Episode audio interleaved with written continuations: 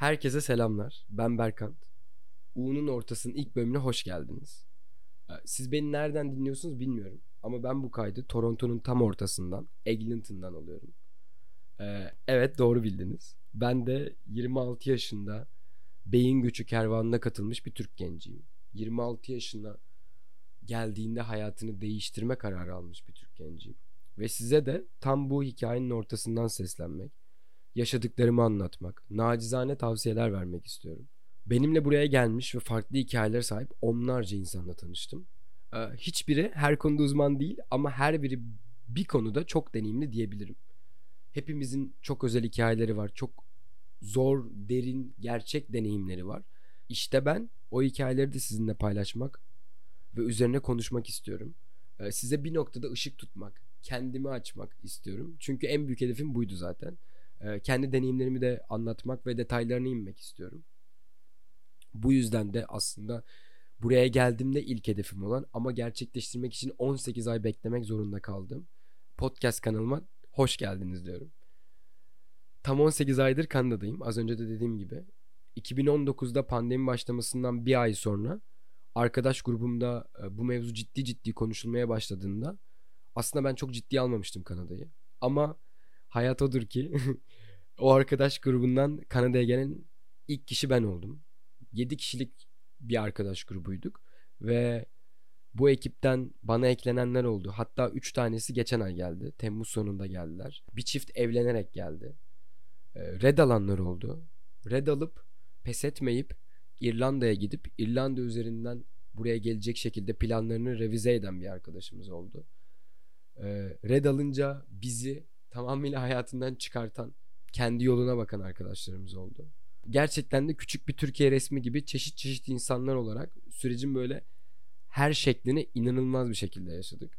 Buraya geldiğimde vize sürecinin ve hayatını değiştirme kararının insanlara aynı şekilde dokunmadığını, etkilerinin çok yıkıcı olabildiğini ama bazıları için de muhteşem bir sonuca yol açabildiğini gördüm. Ee, İlk bölüm üzerinde ben kendi geliş hikayemi biraz anlatmak. Ee, Bu podcast'in kayıt sürecine kadar olan bölümü size ifade etmek istiyorum. Çünkü her şeyin başlangıcı dediğim kendi deneyimimin bir çıktısı aslında bu podcastler. Bir ürününü dinliyorsunuz siz. Ee, zamanı gelmişti diye bakıyorum. Kendimi gerçekleştirdim ve bir noktaya geldiğimde ben bu kayıtları insanlarla paylaşacağım. Ee, deneyimlerimi aktaracağım dediğim noktadayım şu an. O yüzden e, bu kanala başladım aslına bakarsanız. Kendimden bahsedecek olursam 26 yaşında hayatımı değiştirme kararı almamı sağlayan nedenleri ve bu yolu biraz anlatayım size. E, ben İstanbul Bilgi Üniversitesi'nde medya ve iletişim sistemlerinden mezun oldum. İnanın bana hali hazırda öğrenciyken de bir sürü kurumsal şirkette çalışma fırsatı oldum. Ee, dijitalde çok fazla görevde bulundum. Çok fazla iş yaptım. Ama sizin de bildiğiniz üzere Türkiye öyle bir yer ki abi sürekli diken üstündesiniz. Ya ben Hürriyet gazetesinde staja başladım. Sonrasında orada part time'da çalıştım. Uzun süre çalıştım. Bir buçuk yıl çalıştım. Ee, ve gelmiş geçmiş en çok izlenen, dijitalde en çok etkileşim alan videolarını biz ekipçe ürettik. İnanılmaz başarılı şeyler yaptık. İşin sonunda demir örne satılmasıyla beraber e, bizim projemizi 35 dakikada rafa kaldırıp bizi şirket içi sürgüne yolladılar. İşte son dakika haberine verdiler birimizi, birimize edite verdiler, birimize reklam videosu prodüksiyonuna verdiler. Ve işin sonunda sen de ben burada bir şey yapamam diyorsun ve ayrılıyorsun hop Milletten zaten kendi adamlarını getiriyorlar. Türkiye tam olarak böyle. Hatta bir tane yazı okudum.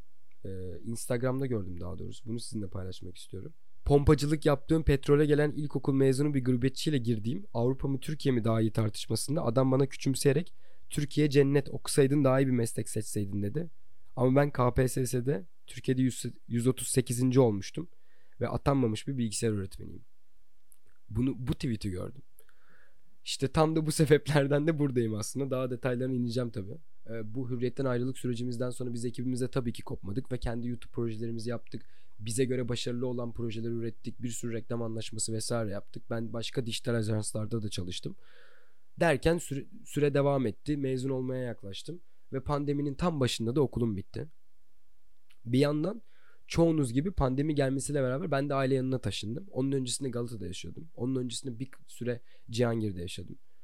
Ee, ama ailenin yanına taşınıyorsun. Çünkü işte geleceğe dair hiçbir fikrim yok ne olacağına dair. Tabii ki okul bitmesiyle beraber ilk yaptığım şey iş arama e, kısmının başlamasıydı. Ama ortalık da korkunç yani farkındayım. Pandemi başlamış.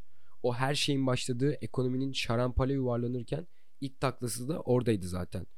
E, çünkü pandemi hemen başladığında kovuldum ajansımdan. İşlerin yürüyemeyeceğini söyleyerek e, bana ödeme yapamayacaklarını söyleyerek son paramı da vererek beni işten çıkartmak zorunda olduğunu söylemişti patronum. Çok da severim. Harika bir kadındı. Sonrasında CV'min ve deneyimlerim sayesinde de bir sürü yerle görüşmeler yapma fırsatı yakıldım. Ve en nihayetinde de uluslararası bir gayrimenkul firmasında dijital pazarlama uzmanı olarak da işe başladım. Başlarda tüm ilişkiler gibi bu da harikaydı gerçekten. Hep böyledir ya zaten o cicim ayları işte arkadaşlık, aile ilişkileri, işte sevgililik ve iş ilişkileri tamamında böyle her şey mükemmel başladı. Çok heyecanlıyım, çok motivasyonluyum. Uluslararası çalışan arkadaşlarımla sürekli İngilizce içerik üretip ve buna uygun çalışma koşullarıyla beraber yaşıyorum, gidiyorum. Her şey yolunda. Ama sonra bir bakıyorum ki işler tersine dönüyor. İşte yıllarca okulunu okuduğum deneyimim olan şeylerde bile yaratıcı olmama izin verilmiyor. Ama işe başlarken bana inanılmaz vaatlerden bahsettiler. Ben böyle biraz seçiyor gibi olmuştum. Ama sonra baktım söz hakkı tanınmıyor. Ben sadece emirleri yerine getiriyorum. Uyguladığım emirler, yerine getirdiğim emirler asla benimle aynı çizgide olmayan, benim yaratıcılığımdan çok uzak şeyler. Bir yandan da pandemide olduğu için patron bizden ekstra fedakarlık bekliyor şirket adına. Şey falan diyor. Çünkü biz büyük bir aileyiz. Bunu mutlaka duymuşsunuzdur yani. Bu büyük kurumsal şirketlerde bile oluyor yani. Eski bir arkadaşım bahsediyor. Onlarda da mesela işte supervisor'lar biz bir aile olalım işte buluşalım şöyle yapalım böyle yapalım deyip korkunç sömürülerinin böyle üstünü çok güzel kapatıyorlardı. O da o zaman onları anlatıyordu. Sonra bir gün artık canıma tak etti yani. Ki motor kullanıyorum. E, trafikteki durum, işte eğlence hayatı, gece hayatı, arkadaşlarım, aileyle ilişki, kariyerim, geleceğe dair hiçbir güvenliğimin olmaması. Dedim ne yapıyorsun? Yani gerçekten soruyorum Berkan ne yapıyorsun dedim. Hayalini kurduğun hayat bu mu gerçekten? O kadar sene oku, uğraş, dil öğren. İşte CV kas, deneyim kas. İşe gir çık, stajyer ol, bedavaya çalış. Köle gibi her şeyi yap. Deneyim kazanıyorsun ya çünkü. E sonucunda bu çizgide bir hayat mı istiyorsun?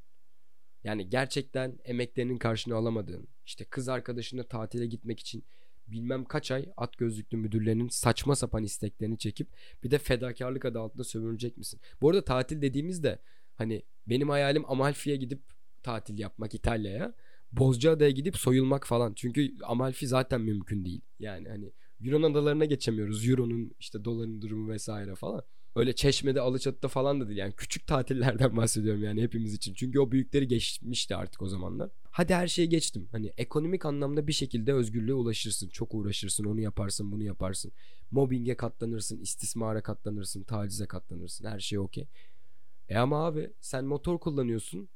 E, günde ortalama 8-10 kere trafikte tacize uğruyorsun.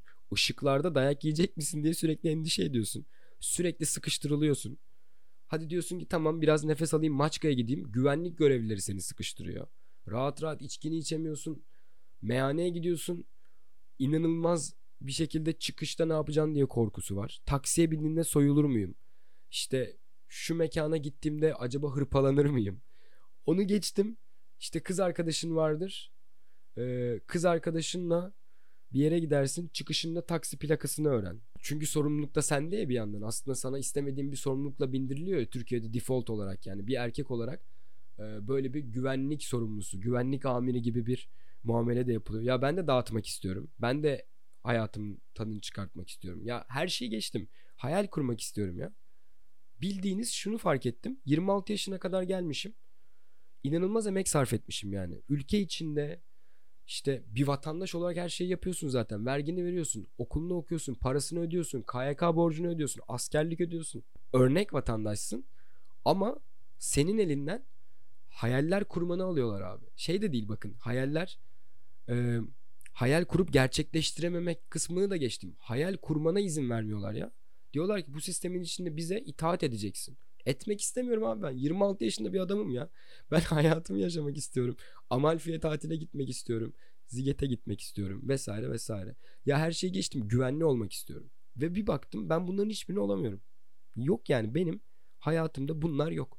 Güvenlik endişesi yaşayan, çok ciddi para sıkıntısı yaşayan, geleceğe dair ne yapacağını bilmeyen bir adamdım yani.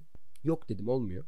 İşte o gece Ee, bendeki o clean, bendeki o aydınlanmayı yaşadığım o gece Google'a yurt dışı eğitim yazdım. Yani bu hep konuştuğumuz, arkadaşlarımızla üzerinden geçtiğimiz ama hiçbir zaman adım atmadığım yurt dışı eğitim, yurt dışına taşınma hikayemi o gece başlattım. Dedim ki yapıyorsun. Tek başına yap ya. Boş ver herkesi. Direkt yaz, araştır. Aynı gece 3-4 farklı danışmanlık şirketine mail attım. Bir yandan da bunlar sürekli konuşulduğu için biliyorsunuz sosyal medya algoritması karşıma sürekli işte dijital pazarlama üzerine e, Instagram algoritmasında özellikle karşıma çıkan ama benim sadece sevleyip geçtiğim tüm o yabancı okullara e, ülkesine bakmaksızın form yolladım. İşte başvuru formu vesaire. İşte İspanya'da var, Nucleo Digital School var, işte Kanada'sı var, e, İrlanda'sı var. Hepsine bakmıyorum. Umurumda değil çünkü yani gitmek istiyorum ya. Yeter artık falan dedim. Sonra Avrupa'daki okullardan hızlıca dönüşler aldım. İşte ama Euro'nun çok ciddi miktarda olması ve bir yandan da Avrupa'daki çoğu okulun e, okul ücretlerini peşin istemesi beni çok yoracağı benziyordu. Bir yandan da ülke değiştirirken şey bakmıyorsun. Çünkü biz artık Erasmus'lu değiliz yani. Hayatını kurmak istediğinde bulunan hükümetin siyasi görüşüne, göçmen politikalarına kadar her şeye bakmak zorunda hissediyorsun. E, çünkü hayatını kuracaksın. Yani bunun riskini alamazsın. Tek kurşunun var. Onu çok güzel sıkman lazım yani. Böyle düşüne düşüne e, Avrupa'yı maddi imkansızlıklardan dolayı eledim. E, elimde işte Kuzey Amerika, e, yani Amerika ve Kanada, bir yandan Avustralya, bir yandan da böyle kısmi olarak İngiltere ya da İrlanda kalmıştı. Avustralya'da o zamanlar sağcı bir hükümet vardı ve göçmen karşıtı politika yürütüyorlardı. Direkt eledim zaten. Amerika'yı inceliyorum. Acaba Amerika'ya gideyim mi vesaire olur mu acaba falan. E, bak birkaç okuldan da bana dönüş geldi falan diyorum. Bakıyorum Amerika tam sirk. Yani güney sınırları delik deşik acayip bir güvenlik sorunu var. Biliyorsunuz bu e, son zamanlardaki 10 bin Türk'ün de güney sınırından Amerika'yı kaçıp çok büyük bir kısmının da Kanada'ya gelmek üzerine bir yola çıkmasını yani. Orada çok ciddi sıkıntılar var. E batısına Kaliforniya'ya vesaire bakıyorsun her tarafta mass shooting var. 20 yaşında bebeler e, kafalarına göre okul tarıyorlar reddedildikleri için. E doğusu zaten e, çok ciddi ekonomik buhranda iş işsizlik problemi var.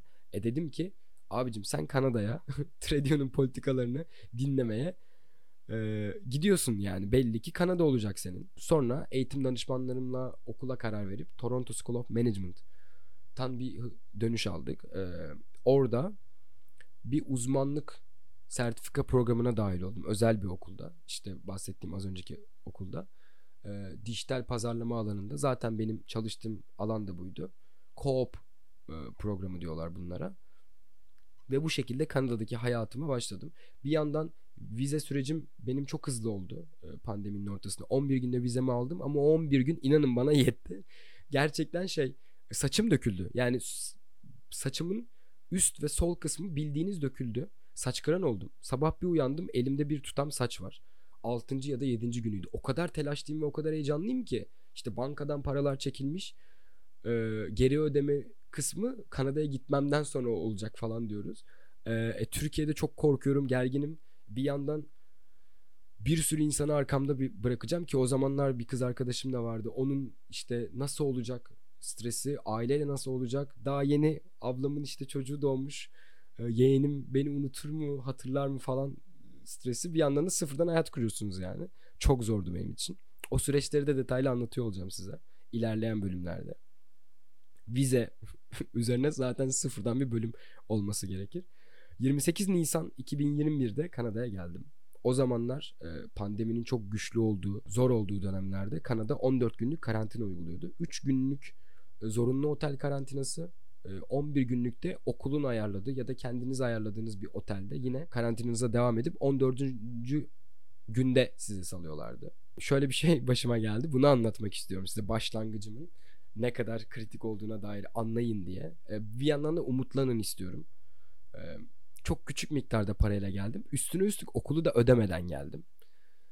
Karantina sürecimde 3 günlük otel parasını önceden tabii ki ailem ödemişti. Ee, ve benim havalimanında bana uyguladıkları test normalde 3. günün sonunda çıkması lazım. Bana onay vermeleri lazım. Ve ben 4. gün okulun ayarladığı ulaşımla beraber okulun ayarladığı otele gidiyor olmam lazım. Onun da parası ödenmiş. Üçüncü gün akşamı bana test gelmedi. Ve dördüncü gün için beni 330 dolar ekstradan charge edeceklerini söylediler. Ama benim cebimde 1000 dolar var zaten. Yani kiramı falan nasıl ödeyeceğim? Bunları düşünüyorum. Nerede kalacağım? Ne yapacağım? Falan. Dedim eyvah. Eyvah yani. Ben çok kötü durumdayım şu an. Ne yapacağım bilmiyorum. Oteli ikna etmeye çalışıyorum. Hayır diyorlar. Bu yani bunu yapmak zorundayız. Havalimanı işte test ekibini arıyorum. Sağlık Bakanlığı'na yazıyorum. Karantina ile ilgili işte hat oluşturmuşlar. Onlara yazıyorum vesaire. Yok. Kimse diyor ki yani kimse bana olumlu konuşmuyor. Test sonucunu beklemek zorundasın diyorlar yani. Ben e, ne yapacağımı bilemeyerek buradan çok seviyorum Ömer abiye. Ömer Ongun. O da Ottawa'da yaşıyor. E, o da Express Entry ile gelmiş. Bir gün umarım onu da bölümüme e, bir bölüme alırım. Ömer abi aradım. Dedim ki abi ben parasızım. Şöyle ödeyemem yani. E, ne yapacağım bilmiyorum. E, bana bir çare göster. Dedi ki Kızılaç'ı arayalım. Kızılay'ın aynısı. Anlat durumunu böyle böyle böyle. Dedim tamam. Kızılaç'ı aradım. Dedim ben testim çıkmadı. Ne olacağını geleceğime dair çok büyük endişem var. Param yok. Bana lütfen yardım edin. Tabii Kanada'daki bir sürü diğer kurum gibi inanılmaz ciddiye alarak bu hikayeyi çok tatlılar yani bir yandan da. Hemen otele aramışlar. Otele e, çok ciddi bir ultimatom ver, vermişler. Ama şöyle bir şey var. Beni yanlış anlamışlar. Belki o zamanlar heyecanımdandır ya da böyle kendimi doğru ifade edemeyişimdendir bilmiyorum. Beni Covid zannetmişler. Covid zannettikleri için oteli de arayıp bunu bildirdikleri için benim bütün katım karantina altına alındı. Her şeyi kapattılar. Beni otel arayıp eğer olandan çıkarsan işte bilmem kaç bin dolar e, ceza alırsın sakın çıkma falan gibi şeyler uyarılarda bulunuyor. Diyorlar ki işte Kızılaç gelip seni kurtaracak falan. Dedim ölüyorum yani ölüyorum herhalde ne yapacağım bilmiyorum falan. Sonra e, gerçekten de Kızılaç geldi. İzole bir ambulansla beraber acayip böyle koruma kıyafetli 4-5 tane adam geldi. Beni sarıp endişelenme iyi olacaksın iyi olacaksın telkinleriyle beraber beni ambulansa bindirdiler. Ve Kızılaç'ın kendi e, binasına götürdüler. Kendi binaları yine karantina binası. Çok büyük bir oteli kapatmışlardı. Havalimanının hemen yakında. Ve Covid olanları oraya götürüyorlardı aslında yani. Ve ben Kızılaç'ın oteline gittim. Kapıda bana doktor diyor ki işte semptomların neler? Yani belirtileri neler Covid'inin? Diyorum ki ben Covid değilim. Ben sadece parasızım. Param yok yani benim ve orada daha fazla kalamazdım. Benim test sonucum gelmedi. Sonra adam beni anladı. Dedi ki okey ama sana Covid'li gibi davranmak zorundayız. Çünkü burası Covid'lerin olduğu bir otel. Sen dedi odandan çıkmazsan başına hiçbir şey gelmez. Ama dedi kendine de yine de dikkat et. İyi kal. Odanı havalandır. Biz senin kapına işte yemek de bırakıyor olacağız. Covid ee, ve bir yandan sen burada olduğun için Covid'li gözüküyor olacaksın sistemde. Dedim yapacak bir şey yok tamam. Tabii önceden parasını ödediğim okula haber vermem gerekiyordu. Haber verdim. Onlara dedim ki ben parasını ödedim ama gelmiyorum. Bana paramı geri verin. Sağ olsun onlar hemen işleme sokup bir hafta içinde de gerçekten ödediğim geri kalan parayı da bana geri verdiler ve ben inanılmaz rahatladım. Çünkü o parayla beraber eve çıkabildim. O ger yani odaya çıktım tabii ki. Eve çıkmak burada o kadar kolay değil arkadaşlar. Onu da bir başka bölümde anlatacağım. Çok yani çok gerçekten çok fazla hikaye var anlatmak istediğim size. Bir yandan o kadar garip ki havalimanındaki sonucum 6. gün geldi. 6. gün bana sonucum negatif sonucu geldikten sonra ben 7. gün arayıp e, ben ne yapayım çıkayım mı dediğimde hayır senin negatife dönmen gerekiyor diye bana anlatıyorlar Covid hattında. Ama diyorum ki ben zaten negatifim. E bana negatif sonucunu göster o zaman diyor. Gösteriyorum hayır bu havalimanındaki sonucun. Sen pozitife dönmüşsün şimdi tekrar diyorlar. Ve bana kit yolladılar 11. günde. Ben 17. günümde çıkabildim otelden. 3 günde uzatmalı kaldım. Covid'li otelinden. Çok komik. Bir yandan da şöyle e, online dersler zaten. Sınıfta iki tane Türk var. E, Emine ve Arzu. İkisi de iyi arkadaşım. Arzu'yla zaten şu an çok çok yakınız. E, Emine'yi de çok severim. E, onlarla konuşuyoruz. işte diğer arkadaşlarla bu oda muhabbetlerini konuşuyoruz. Ne yapacağız? Nereye çıkacağız? Bir yandan hani herkes karantina otelinde çünkü. Kimse ev vesaire bulamıyor. O en başında düşündüğüm fiyatlarla alakası yok fiyatların. İşte 400-500 dolar ayarlarım diyordum. Bana diyorlar ki mümkün değil 800'den başlıyor yani 900 ba- ba- yerine göre 1000 falan. Tesadüfen e, şu anki en yakın arkadaşlarımdan biri olan Osman bana yazdı. Çok eski bir takipçimin abisi Kanada'da yaşıyordu. E, ve e, bana söylemişti. Benim abim Kanada'da yaşıyor. Bir şey olursa sana yardımcı olur diye. E, ben de dedim ki tamam ama çok ilgilenmemiştim. Çünkü ne yapayım yani tanımıyorum. Ee, sağ olsun Osman bana yazdı ve dedi ki abi selamlar kalacak yerin var mı? Ben de kalabilirsin oda tutana kadar. Ve ben böyle şeyim havalara uçuyorum. Çok mutluyum yani çünkü gerçekten çaresizim. Dedim ki kalırım. İkiletmedim tabii ki yani. Hani öyle bir riski alamadım zaten. Gerçekten de 17. günümde çıktım. Ve e, Osman'ın yanına gittim. Ve sanırım 9. günümde falan da oda bulmuş oldum. Yani 9 gün onun yanında kaldım. Bu süreçte iş buldum. Her işi yapacaktım yani. Buna okeydim. Hani Türkiye'de beyaz yaka olmuşsun, gazeteci olmuşsun, işte deli gibi prodüksiyon yapmışsın. Umurumda değil. Çünkü bir, Türkiye'den para gelemez. Yetemez de zaten yani mümkün değil. Ee, senin bir iş bulman lazım. Okulu ödemen lazım. Evi ödemen lazım. Vesaire vesaire derken benim iş bulmam lazımdı. Facebook'taki grupların bir tanesinden birinin günlük gündelik işçi aradığını gördüm ve dedim ki ben buna giderim. Yapacak bir şey yok yani. Kabulleniyorsun bu süreci. Gittim ve o şekilde hayatıma başladım. yani gerçekten çok zor bir başlangıç süresinden sonra işte okuldaki düzenim oturdu yerine. İşle ilgili bir sürü gelişme yaşadım. Şu an geldiğim noktada çok mutluyum. İki tane oda tecrübesinden sonra şimdi çok yakın bir arkadaşımla eve çıktık 2 artı 1. E, tüm bu süreçleri size anlatıyor olacağım. Gerçekten çok fazla deneyim yaşadım. Bu deneyimlerimi size anlatmak benim kendimi gerçekleştirmek için de e, çok değerli olacak. Böyle hissediyorum. Böyle iyi hissedeceğimi düşünüyorum. Şey gibi düşünün bunu. Piramidin en altını tamamlamadan üste bir türlü çıkamıyorsunuz. Ben de aslında biraz onu yaptım. Buraya geldiğimde önce düzenimi kurmam gerekiyordu. İşle ilgili ekonomik anlamdaki sıkıntılarımı giderip belli bir seviyeye çıktım. Sonrasında okulla ilgili, geleceğime dair vizeyle ilgili nasıl uzatabileceğime ya da PR yoluna işte PR dediğimiz şey kalıcı oturum izni. Bu yola nasıl gideceğime dair bir plan yapmam gerekiyordu ve bu plana sadık kalmam gerekiyordu. Bir yandan yürütmeye çalıştım uzak mesafe ilişkisi vardı vesaire vesaire derken inanılmaz yorucu bir sürecin sonunda artık ilk günkü istediğim şeyi gerçekleştirebilmenin mutluluğunu yaşıyorum ve sizlere bunu anlatıyorum. O yüzden ben çok keyifliyim. 27 ee, dakikadır konuşuyormuşum. Tabii bunun editi yaptıktan sonra muhtemelen 20 dakikalara düşecektir. Ee, bir yandan da mentor bir abim 20 dakikalarda kalırsan insanlar sıkılmaz dedi. Buna uymaya çalışıyorum. Çok hakim değilim podcast e, dünyasına. Siz de bana lütfen e, bu podcast'te bu bölümle ilgili ilerleyen bölümlerle ilgili merak ettikleriniz ya da eleştirileriniz ne olursa olsun e, geri dönüş yaparsanız çok mutlu olurum. Instagram hesabım üzerinden de olabilir. Her yerden olabilir. E, çünkü gelişe gelişe kendimizi ve birbirimizi sorgulaya sorgulaya bu deneyimlerin üzerinde hayatımıza ışık tutuyor olacağız. Bunu inanıyorum. E, bu yüzden e, bu bölümü yapıyorum aslında. Bunu kayıt altına alıyorum. Çok heyecanlı olduğum, zaman zaman sesimin titrediği, e, bir sürü noktayı kaçırdığım ama iş en nihayetinde anlatmak istediğimi anlattığım ilk bölümün sonuna geldik.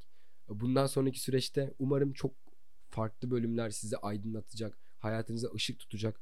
Beni dinlediğiniz için pişman olmayacağınız e, kayıtlar çekebiliyor olurum. Kanada hayatına dair, göçmen psikolojisine dair her şey burada olacak. Bir yandan hayat, başarı, hedefler, hayallerimiz, ilişkiler bunlar üzerine de konuşuyor olacağız. Zaman zaman konuk oluyor olacağım. Zaman zaman tek konuşuyor olacağım. Kanalıma hoş geldiniz. Çok teşekkür ederim dinlediğiniz için. Çok keyifliyim. Bir sonraki bölümde görüşürüz. Heyecanımı ilk bölüm için mazur görün.